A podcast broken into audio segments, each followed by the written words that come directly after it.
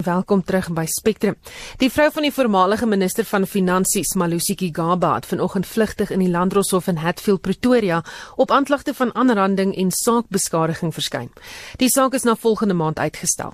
Die valke het die 40-jarige Noma Gigaba Vrydag by die egpaar se huis in Waterkloof in hegtenis geneem.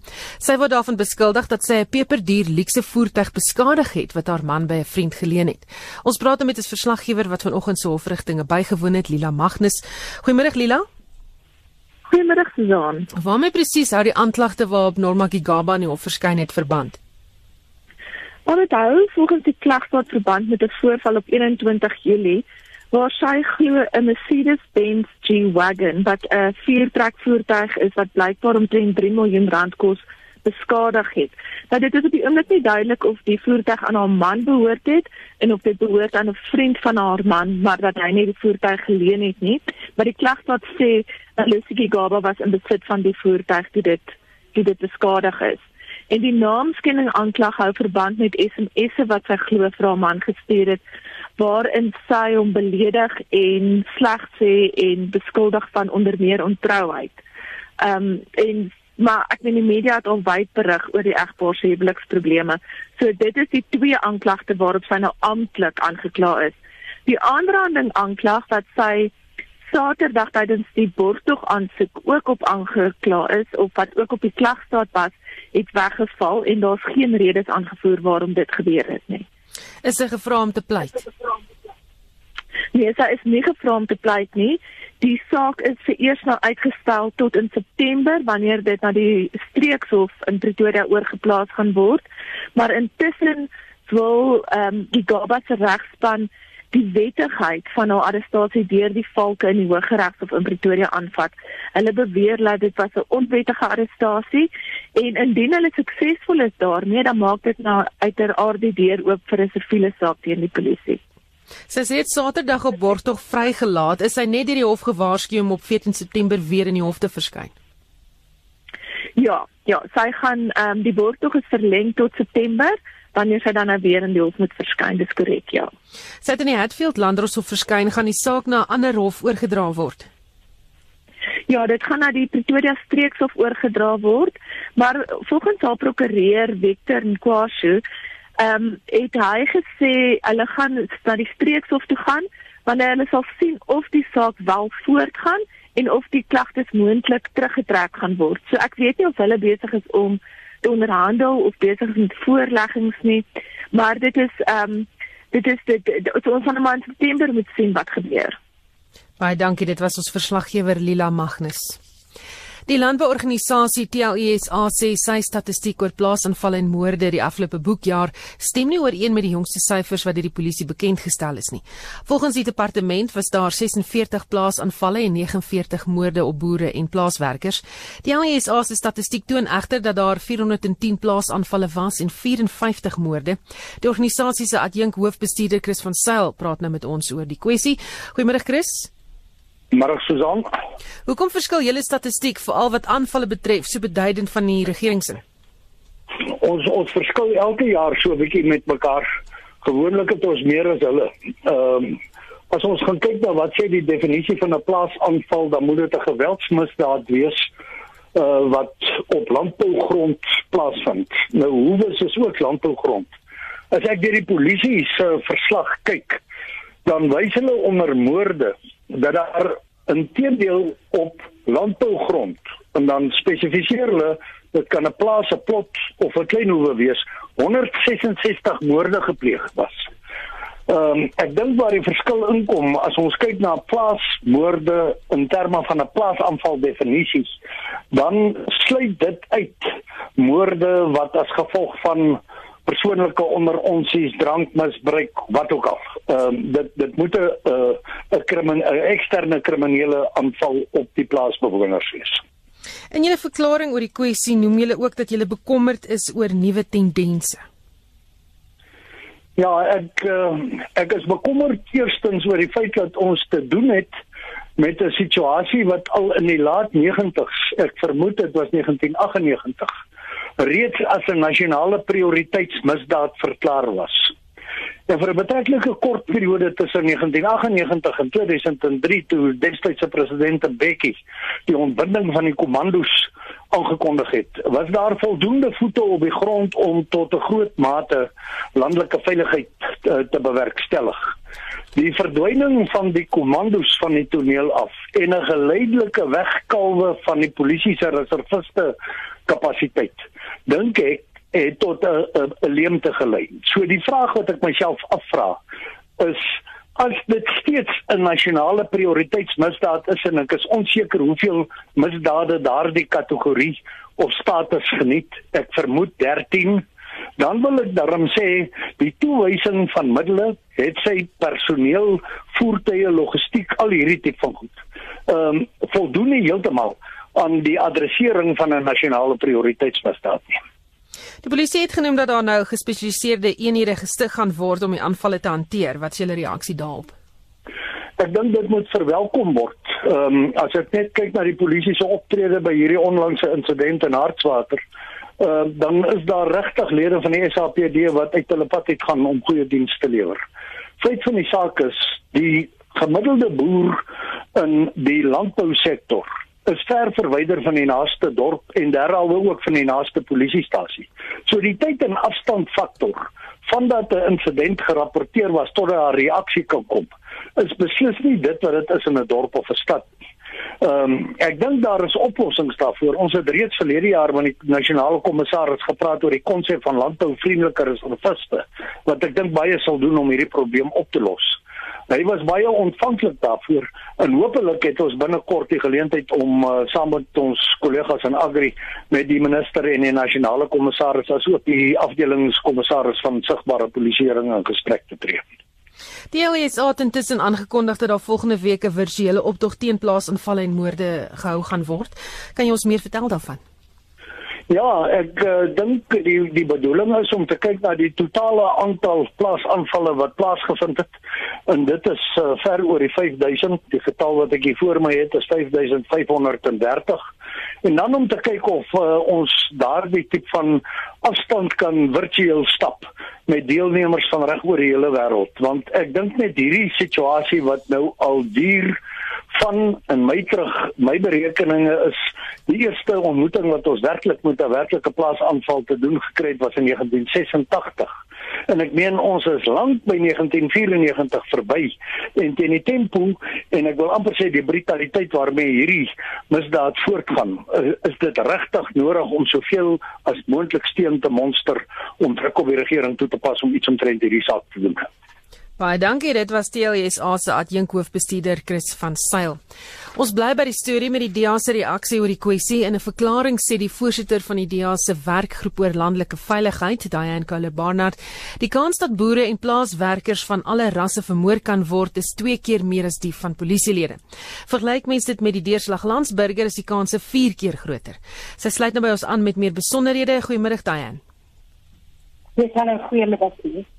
Die statistiek klink verdoemend, maar die polisie het gesê gespesialiseerde eenhede gaan gestig word. Vertrou julle die belofte?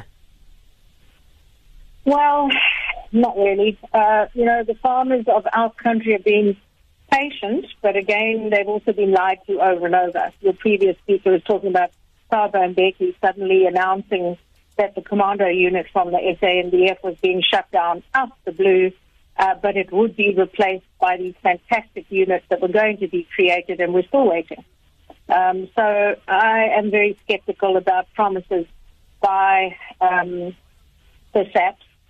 Uh, it, I just haven't seen it happening, and as such, we've seen uh, rural security, rural safety, rural this plan after plan after plan, and they look fantastic, uh, but they're never taken off the page. They've never got the equipment, the manpower, uh, in the rural areas to actually protect the farmers, the farm workers, all of their children, parents, all of them are in incredible danger.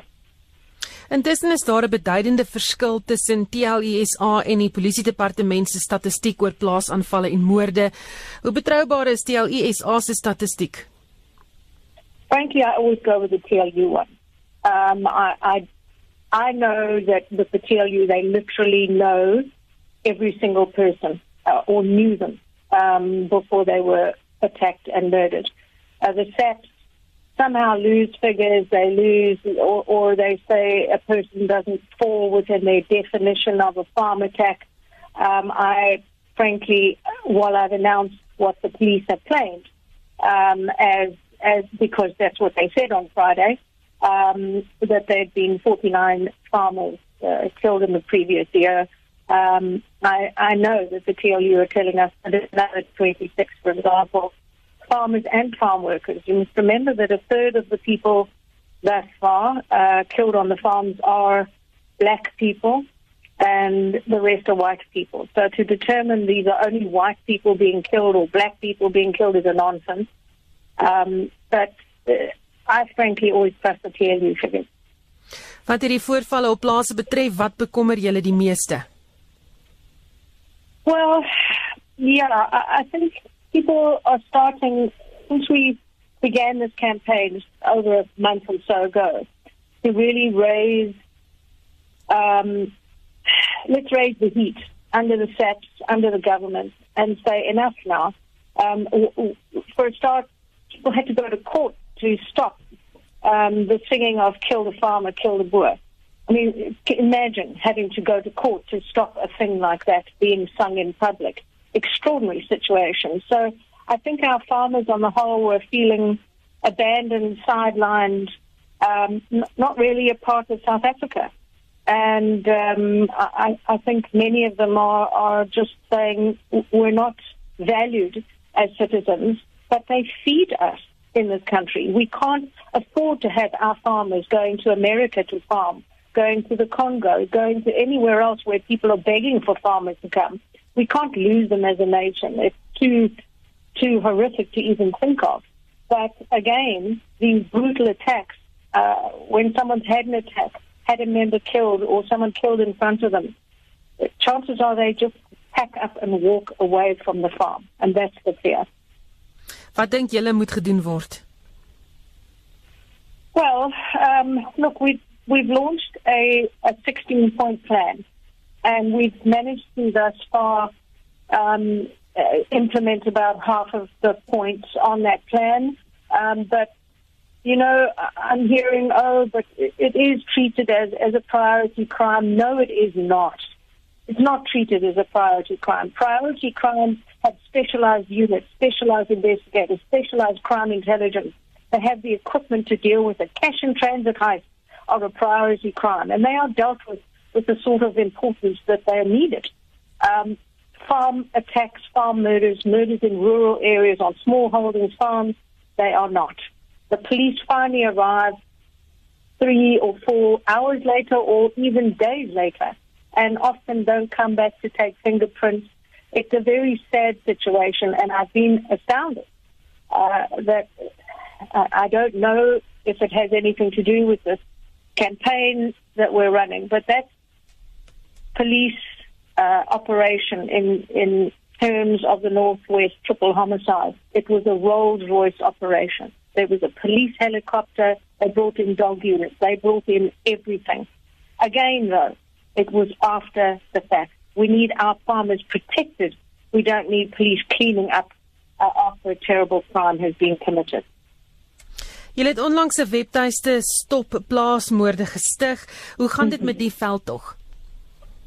Well, I was having a look just before I came on air. Uh, the one page in English has, uh, I've rounded them off, 23,000 signatures.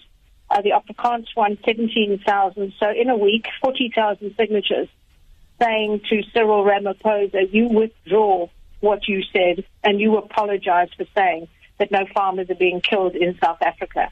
Um, he told that to the world in a Bloomberg uh, Global Business Forum in New York and he said there are no killings of farmers in South Africa. Now, that was a down and out lie, and he needs to withdraw it. Um, in that very year, I think there were 56 farmers murdered in the year he said that, 2018. It's, it's an outrageous statement. He has never withdrawn it. He fumbles and bumbles and says, oh, there are lots of murders everywhere. Yes, there are. But they don't involve the horrific torture that we are seeing on these farms of everybody every single person who's attacked. No one is exempt from a baby to a 90 year old. No race is exempt. at all. And yet he made this outrageous claim. He must apologize to the farmers of South Africa. Baie dankie. Dit was die dielse voorsteur van die party se werkgroep oor landelike veiligheid, Diane Kohler Barnard. Indien jy pas ingeskakel het, plaas ons vanmiddag die klem op plaasmoorde en aanvalle. Statistiek wat hierdie polisie verskaf is uh, die afgelope naweek of verlede Vrydag verskil merkwaardig van die van landbouorganisasie TLSA. Ons het pas by die DA gehoor dat die organisasie se statistiek betroubaar is volgens hulle. AgriSA waarskyn tussen dat waardevolle kundigheid en kennis weens die aanvalle in die landbousektor verlore gaan. En vir meer hieroor praat ons nou met Tommy Estreise, AgriSA se voorsitter van die Sentrum vir Uitnemendheid wat landelike veiligheid betref. Goeiemôre Tommy. Goeiemôre Susan. In julle verklaring oor die kwessie sê julle daar word nie gepraat oor die toenemende gevoel van onveiligheid in eh, boere, boeregemeenskappe nie. Hoekom is dit belangrik dat ons hieroor praat?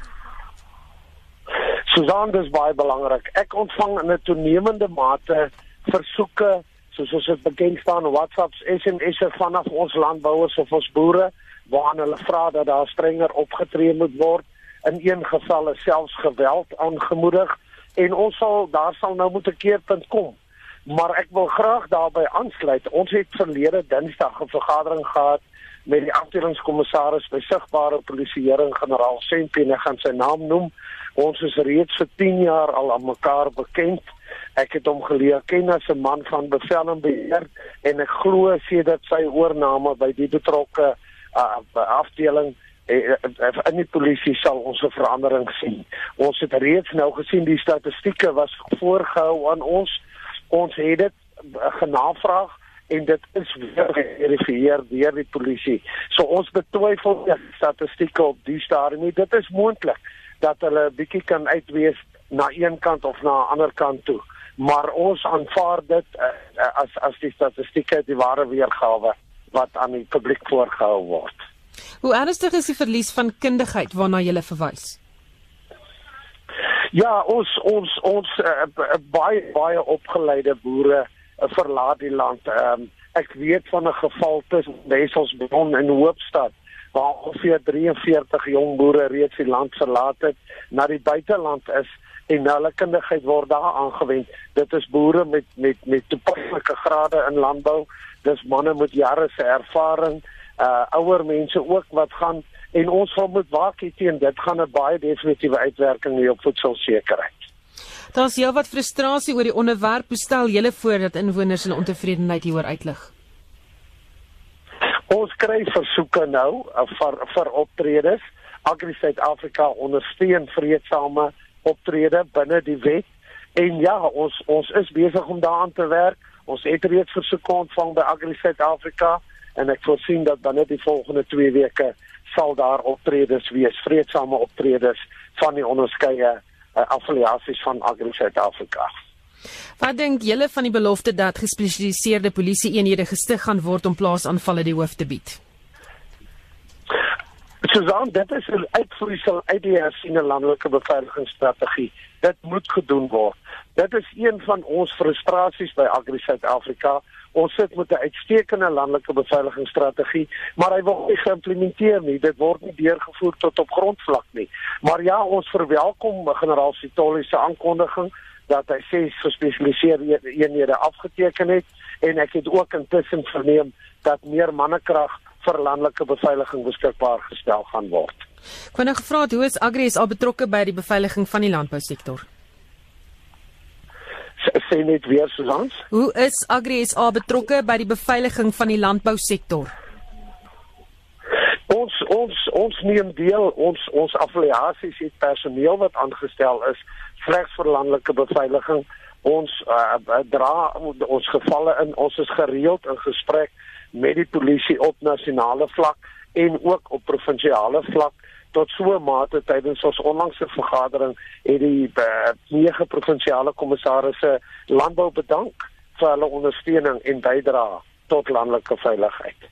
Baie dankie, dit was Tommy Estreise Agri SA se voorsteur van die Sentrum vir Uitnemendheid Landelike Veiligheid. Die Mediese Navorsingsraad het 'n verslag bekend gemaak waarin hy aandui dat daar nie enige druk op op kapasiteit in hospitale is weens die gebruik van alkohol nie. In die lig hiervan het die Navorsingsraad gesê die regering moet gereed maak om die verbod op die verkope van drank te lig. Professor Charles Barry, die direkteur van navorsing op tabak en alkoholgebruik by die Suid-Afrikaanse Mediese Navorsingsraad sê dat sy navorsing toon dat die voorspelde druk op hospitale as gevolg van mense wat COVID-19 sou opdoen nie realiseer nie. We know that the ban was, the alcohol ban was set in place to reduce the burden on trauma units, so to free up hospitals' capacity to treat COVID-19 patients. So the point being that if hospitals have spare capacity in terms of bed and beds and hospital personnel, then the government should be looking at rescinding the sales ban if the situation has changed in which it was um, instituted. But you know, without it shouldn't happen without having a plan in place to prevent the situation we had from the 1st of June when the first ban on alcohol sales was lifted when there was a lot of alcohol related trauma cases coming to hospitals. There were alcohol related deaths from murders and, and things like that. So many hospitals, in fact, saw a doubling of trauma cases in that first week. So it really depends on whether around the country, and certainly we, we were presented with the case that in the Western Cape and Gauteng that there was spare capacity. So our response was in relation to that question. Parry sê die data wat hulle ontvang dui daarop dat hospitale nou gereed is om alle probleme wat opduik te kan hanteer ten spyte van 'n ekstra COVID pasiënte.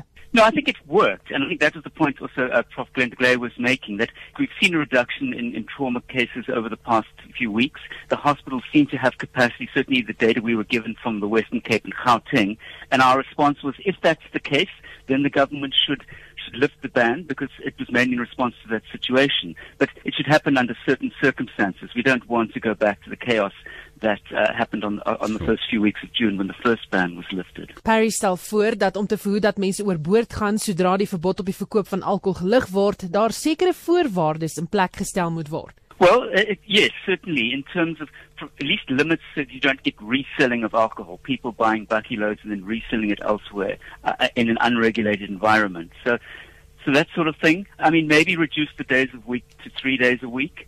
Limit container sizes. We have an issue. Um, we're starting to believe we have an issue with larger container sizes, such as the sort of one liter beer containers, five five liters of wine. Maybe we shouldn't be selling them in such big quantities, which are cheaper and much more likely to be abused perhaps we don't need aggressive marketing when the ban is lifted. Um, suspend marketing and only allow marketing at points of sale, and certainly no lifestyle advertising and, and special offers.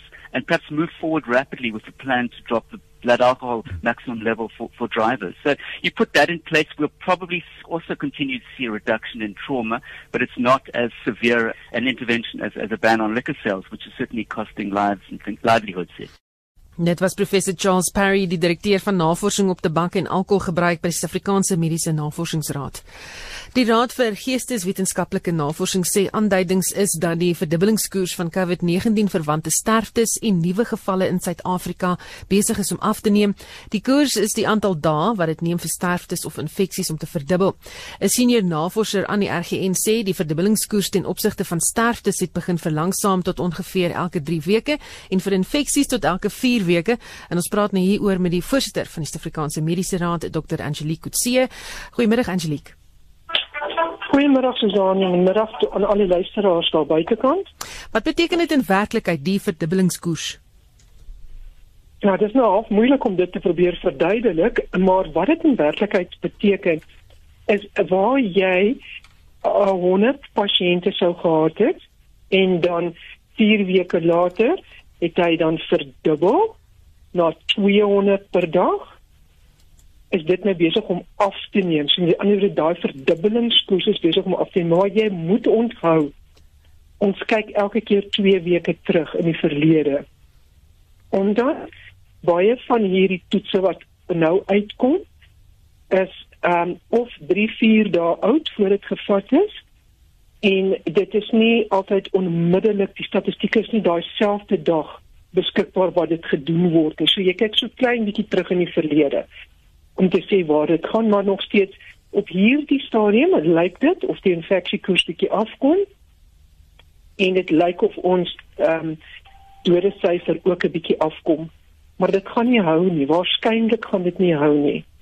Ja moet mens met ander woorde nie nou sê goed alles is nou verby ons kan maar aangaan soos normaal nie Nou alles gaan nie verbygaan nie. Ongelukkig gaan hierdie virus nog vir letterlik meer as 2 jaar. Ons sien nou gebruik die term 2 jaar, maar dit kan selfs langer wees met ons gaan wees. En dit is ongelooflik belangrik die sosiale afstande wat ons moet hou tussen mekaar wat die besemstoklengte is die masker die hande was en nommer 4 wat bygekom het die oopmaak van deure en vensters of dit nou winter is en of dit nou somer is dit hierdie vier goed is nie onderhandelbaar nie en mens moet regtig dit op die harte van almal daar buite druk dis hoe jy gaan hier deurkom Hoe sien die nasionale prentjie daar uit? Daar is aanvanklik gesê na beraming sal daar teen die einde Augustus naby 'n miljoen infeksies wees. Ons staan nou op net oor die half miljoen.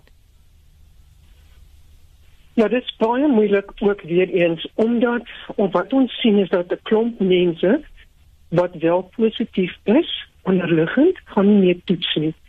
Want ehm um, ek dink reg in die begin wat gebeur het is mense het almal gaan toets En vandat ons die of die laboratoriums 'n moratorium opgesit het, wie ons nou toets op hierdie stadium moet onthou, ons het uit toets eh, uit toets uh, stokkies uit begin hardloop en dan ons tyd om die om om die verslae terug te kry was verskriklik lank geweest. So toe moes ons opkom met 'n plan en die plan was daar was 'n sekere groep wat ons eers gaan toets. En, en dit is hoe dit is en ons gaan ook nie meer toets as jy klaar gesond is nie of as jy na die 2 weke nie. Die enigste wat mag dan dalk getoets mag word is daar mense wat in die gesondheidsbedryf werk soos in hospitale en klinieke maar geen ander mense wil ons meer toets nie want dit gaan nie 'n verskil maak aan aan hulle omstandighede hulle werk nie met met met siek mense nie. Hmm. So as 'n ou nou nou al daai goed in in, in gedagte hou dan um, kan die getal wat jy ontstaan het eintlik baie hoër wees. Nou, sou ons infeksiesyfer werklik afneem voordat daar 'n inenting of teenmiddel beskikbaar is? Dit hang af van hoe goed die teenmiddel is, maar um, ons hoop maar almal dat dit sal afneem en onthou die soos wat dit tans lyk, lyk dit of jou immuunstelsel omtrent so 6 maande lank teen die virus um uh, is uh, selletjies het of herinneringsselletjies wat weet dat jy daarmee in aanraking was en na 6 maande lyk dit vir ons asof jy maar weer van voor af kan siek word. Daar's mense wat minder as 6 maande weer geherinfekteerd word. So as ons kan die eindstowwe kan kry om op ons T-selletjies te kan werk, T-antiliggaampies, dan kan die dan kan die geheue van die liggaam dalk langer hou maar tot en met dan is dit maar 'n oop boek jy weet um, ek ek uh, dink nie daar gaan binne die volgende 6 maande wonderwerk gebeur nie want ons klomp studies wat nog moet gedoen word selfs in Suid-Afrika waar ons deel is van die projek om studies te doen. Dit kan nog 'n hele rukkie vat. Ek weet ek het ergens gelees dat Rusland wil nou begin om ek dink in Augustus of toe ag nee Augustus en Oktober maand daar rond hulle mense te begin inent maar ek, ek weet nie hoe lank hulle aan die aan die, aan die instof gewerk het nie en watter tipe instof nie so ek sou nie sulke goed net sommer aanbeveel nie. Baie dankie dit was die voorsteur van die Suid-Afrikaanse Mediese Raad Dr Angelique Kutse Daar is geen verkeer In Johannesburg Gauteng was daar 'n botsing op die N1 Noord net na Malibongwe Rylaan in die regterbaan en daar staan 'n voertuig op die N3 Suid net na Van Burenweg een baan is toe daar. Dan in KwaZulu-Natal staan 'n voertuig op die N3 Wes net na die omlaas wisselaar in die linkerbaan en in die Weskaap eh, staan 'n voertuig op die N2 stad in by Botchet Quarry weg. Dis in die linkerbaan en dit is jou verkeersnuus.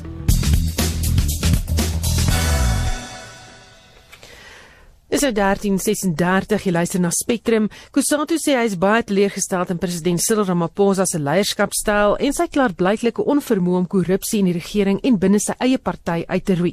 Die woordvoerder van Kusatu, Sizwe Pamla sê die onlangse aantuigings van korrupsie deur senior ANC-lede in die regering is baie teleurstellend.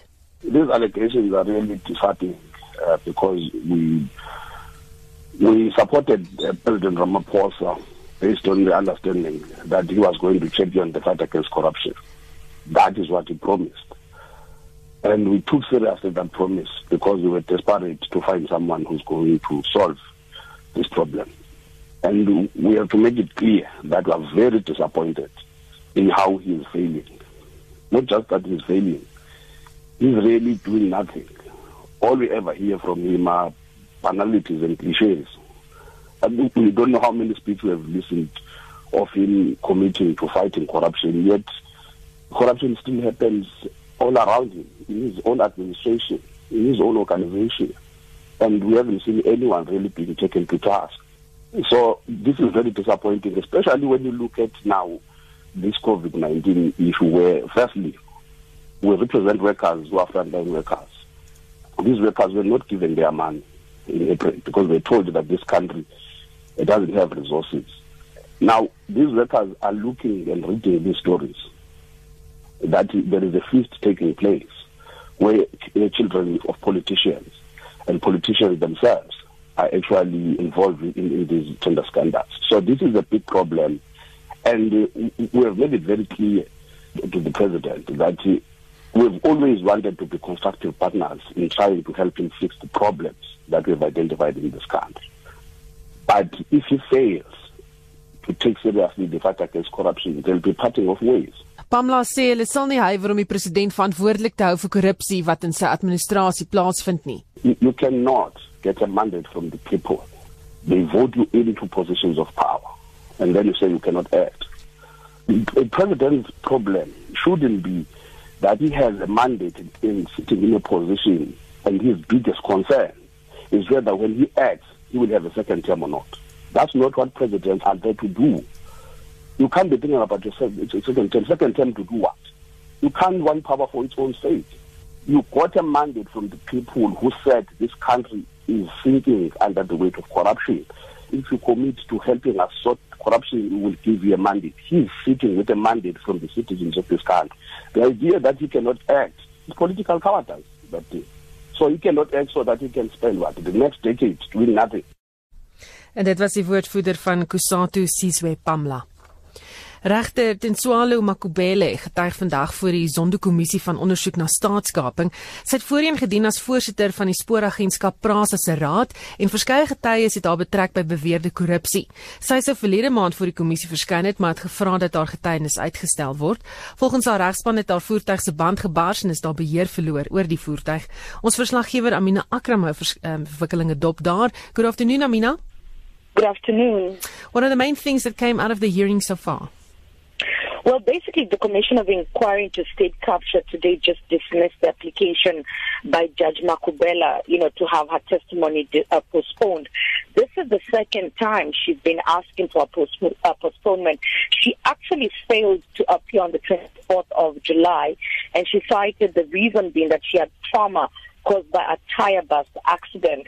And so she appeared today, but had actually requested for a second postponement. And the reason that she gave is that she had not consulted with her new legal team and was not ready to give evidence. She had a whole bunch of um, reasons, and also that you know the, there has been a campaign against her, and they're calling her the state capture judge.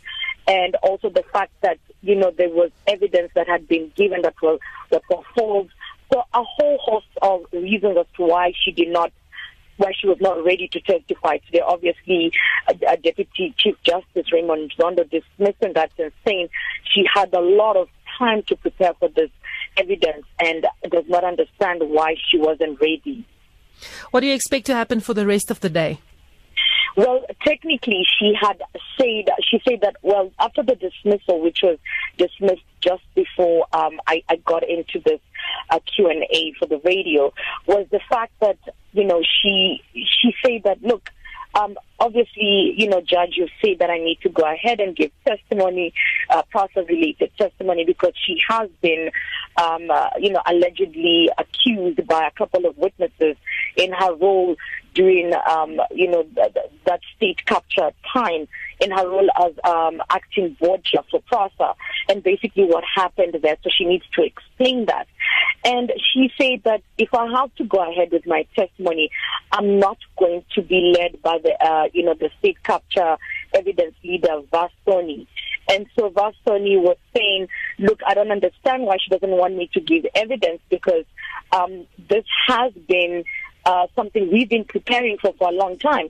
And so technically, essentially dismissing this evidence feed and asking for another evidence leader is a bit of a complication. And they're going to go back in the afternoon and we will hear what will happen. Baie dankie dit was ons verslaggewer Amina Akram met die jongste horisonde kommissie van ondersoek na staatskaping. Die matriek is vandag na 'n breek van 'n week terug skool toe. Sies tog. Departement van basiese onderrig het die naweek die aangepaste skoolkalender bekend gemaak. Dit dui aan dat die 2020 skooljaar op 15 Desember vir graad R tot 11 leerders afgesluit sal word. Matriek sal ook op 15 Desember hulle laaste eindeksamen vraestelle skryf.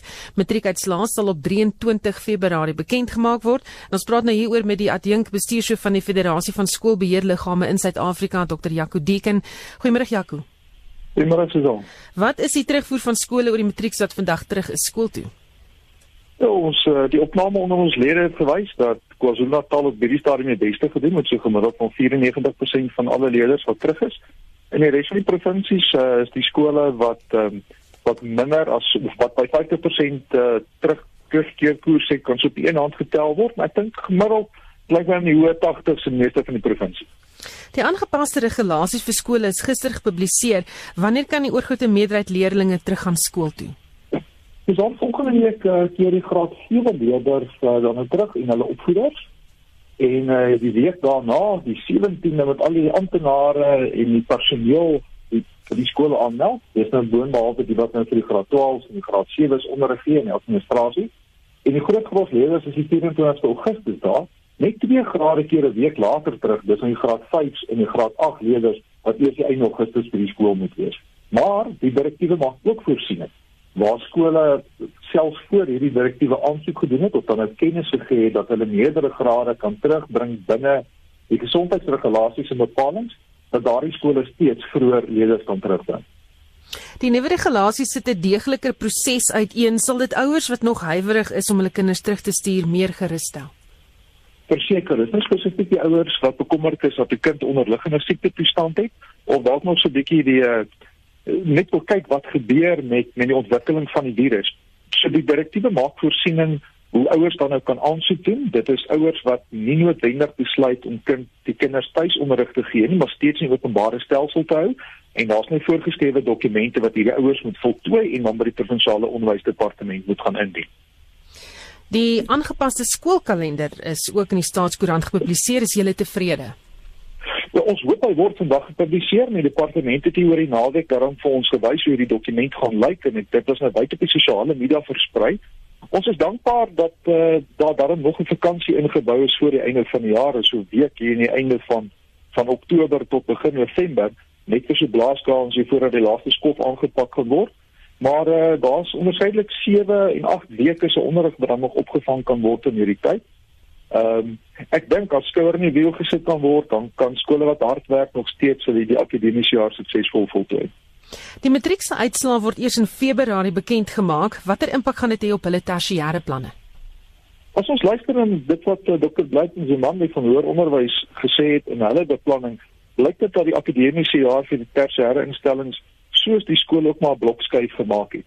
So ek dink nie die matrikulante moet op hierdie stadium te veel bekommerd wees dat daar nie vir hulle plek gaan wees om te studeer by 'n tersiêre instansie nie. Uh klink vir my daardie akademiese jaar gaan dan in Maart maand begin. So hulle aandag moet nou op hulle eie akademie gevestig wees om so goed as moontlik voor te berei vir daardie eksamen en toelating dan te kry tot tersiêre onderrig. Baie dankie. Dit was die adjunkbestuurshoof van die Federasie van Skoolbeheerliggame in Suid-Afrika, Dr. Jaco Deeken. Ons beweeg nou na die cricketveld met Shaun Jooste.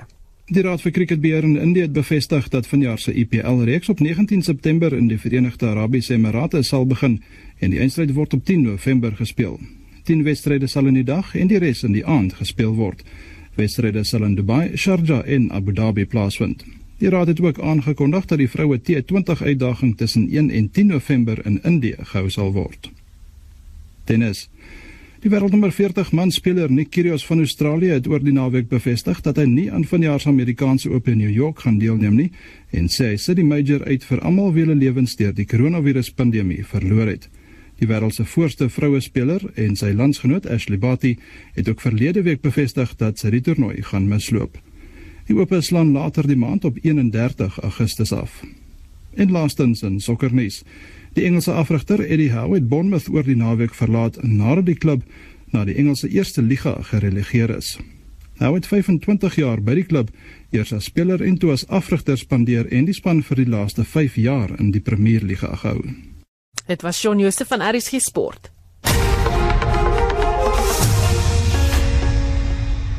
Jy luister na Spectrum. Sanparks het met 3 toekenninge weggestap tydens die Renosters bewaringstoekennings vir 2020 wat deur die Veldwagtersvereniging van Afrika gehou word. Sanparks se Don English het die toekenning vir die beste veldwagter ontvang. Albert Smit is ook aangewys as die beste afdelingsveldwagter naas Don English en die Sanparks lugvleuel is aangewys as die beste bewaringspraktisyn. Die woordvoerder van Sanparks, Reinhold Lakuli, sê hierdie toekenning inspireer die veldwagters om aan te hou veg vir ons fauna en flora. The award's really something that any ranger, you know, would be proud to have the world over. As you know that on the 31st of July, you know, we celebrate World Ranger Day.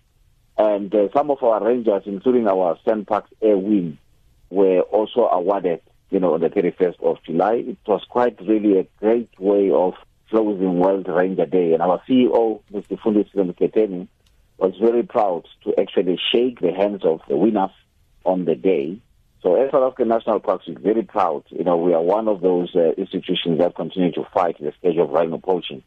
And some of these rangers that have actually won this award have been in the forefront of anti-poaching uh, campaigns within South African National Park and also working with other people externally in as far as uh, assisting in how to deal with uh, poaching issues in South Africa. So we're very proud of South African National Parks and we are saying to those colleagues, well done and well done again. Dit was die woordvoerder van Sanparke, Reynold Lakuli.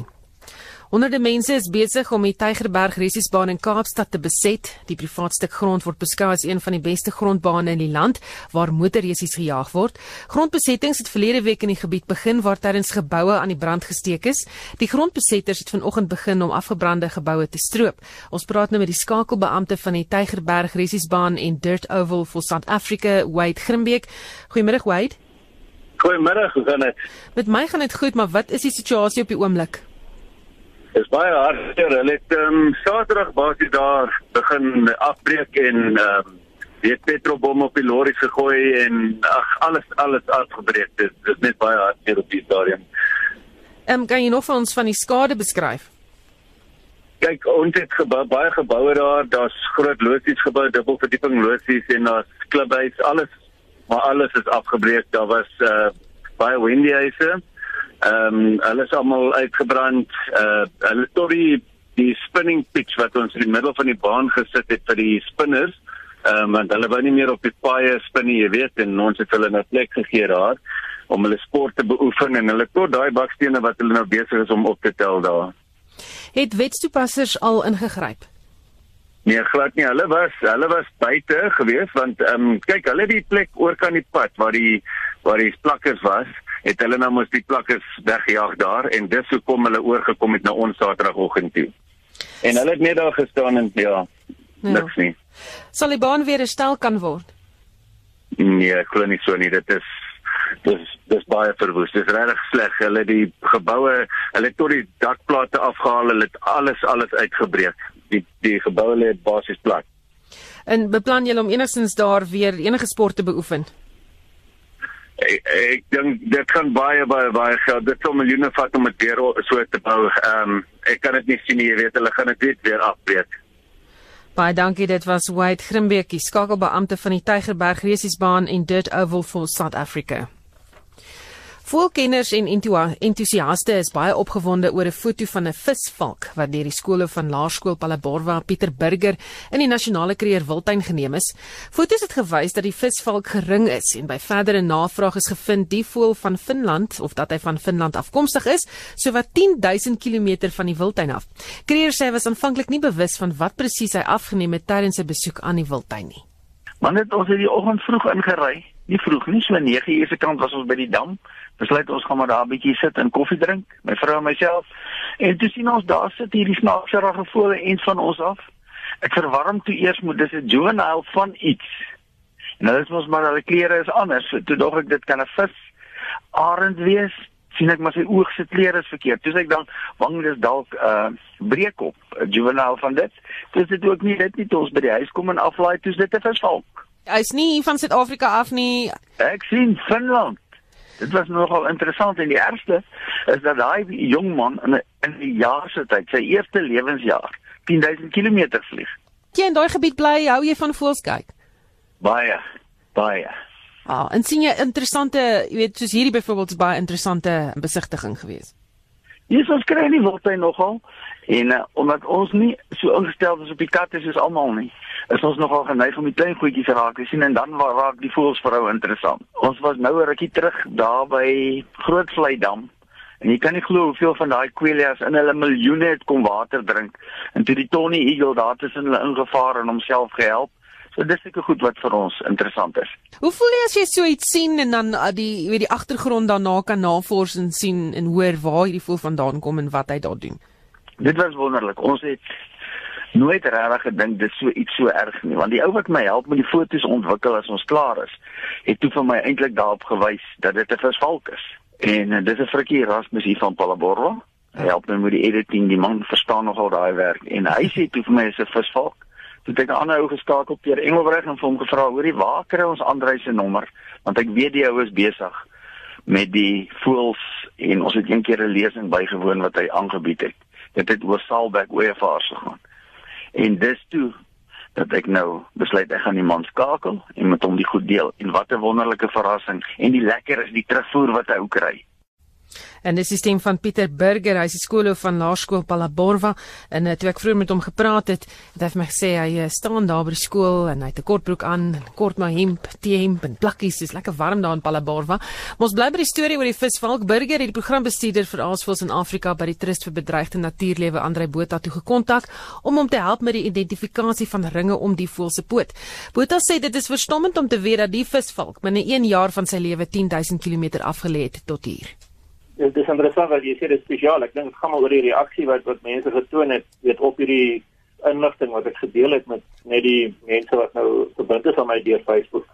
En die reaksie was ongelooflik geweest. Weet die dit is gedeel, kan nie veel sê op hierdie stadium dink ek meer as 260 keer, maar meeste van die deel is deur volkundige blaaie in Finland en en in die res van die wêreld. Ek dink dit omdat mense by die huis sit en nie besig kan beweeg nie is hierdie is hierdie beweging van van hierdie enkele voel van Finland af tot Suid-Afrika vir mense fascinerend en, en ek dink dit amper ja, dit gee dit gee mense weer 'n verbeeldingslig om om te, om te kan besef dit is wel moontlik vir diere om om so ver te kan beweeg. Dit is weer eens net vir my onder dit onderstreep die wonder van trekvoels en besonder met hierdie geweldige afstande wat hulle kan aflê. Jy dink binne die eerste jaar van die voël se bestaan, amper 10000 km reguit lyn en as mense aan agneem weet hulle vlieg sommer weer redelik rond om kos te soek en so aan en die trekroete trek uh, aanvanklik eers in sy westelike rigting dan daar oor die Isthmus en Turkye tussen Europa en Asië en dan af deur die Seervallei in uh, Israel, Jordanië, deur Saudi-Arabië dan af tot hier in Suidelike Afrika is dit definitief langer as 10000 km. So dit is net weer eens 'n onderstreep hoe ongelooflik hierdie hierdie vlugte is wat die trekvoëls onderneem. Vertel my 'n bietjie meer van die tipe voël. Wat 'n voël is dit? 'n Visvalk is uit die aard van die saak nou een van hierdie voëls wat soos die naam aandui wat feitelik uitsluitlik van vis lewe. Dit hulle is definitief as hulle hier in Afrika is daar mate van kompetisie tussen hulle en die visare wat baie mense ken. En as ook dit was 'n uh, mate van verwarring veral omdat hierdie voëls in 'n mate trek op 'n uh, jong visare hy het 'n donker streep deur die oog en so aan, maar die manier waarop hulle jag en waarop hulle visvang is baie anders as wat ons visare doen wat laag oor die water sweep en dan en dan 'n vis uit die water uitvlug. Hierdie visvalke is amper jy, jy, jy kan dan amper noem plonsduikers, weet hulle hulle duik in die water in en baie dikwels feitelik totaal en al deur die water bedek en dan gryp hulle hierdie visprooi wat hulle gevang het. En hulle is ook geweldig sterk in terme van om uit die water uit te kom en en om dikwels vis wat amper hulle eie liggaam gewig weeg nie weg te vlieg. En en 'n baie tipeerende ding van hulle is dat hulle gewoonlik draai hierdie vis net om agter die kop en draai dan die res van die liggaam met die met die ander poot en hou hom in 'n meer vaartbeleide posisie met die kop van voor en is so in staat om weg te kan vlieg. En dan weet op 'n tak te kom of by die nes te kom om die kleintjies te voer en so aan. So regtig uitsonderlike voëls wat wêreldwyd voorkom. Hulle is ook in Noord en in Suid-Amerika, Europa, Asië, Afrika en meeste van hulle is trekvoëls wat gewoonlik in die noordelike winter verder suid trek of Suid-Amerika toe of Afrika toe of Suidoos-Asië en selfs ver as noorde toe Australië sal. En dit was die programbestuurder vir Aasvoëls in Afrika by die Trust vir Bedreigde Natuurlewe, Andrei Botha, en as jy wil sien hoe hierdie visvalk lyk, kan jy gerus daar op sy eh, Facebook bladsy draai gemaak. Daar's baie mooi foto's wat dan nou geneem is deur Pieter Burger op daardie blad.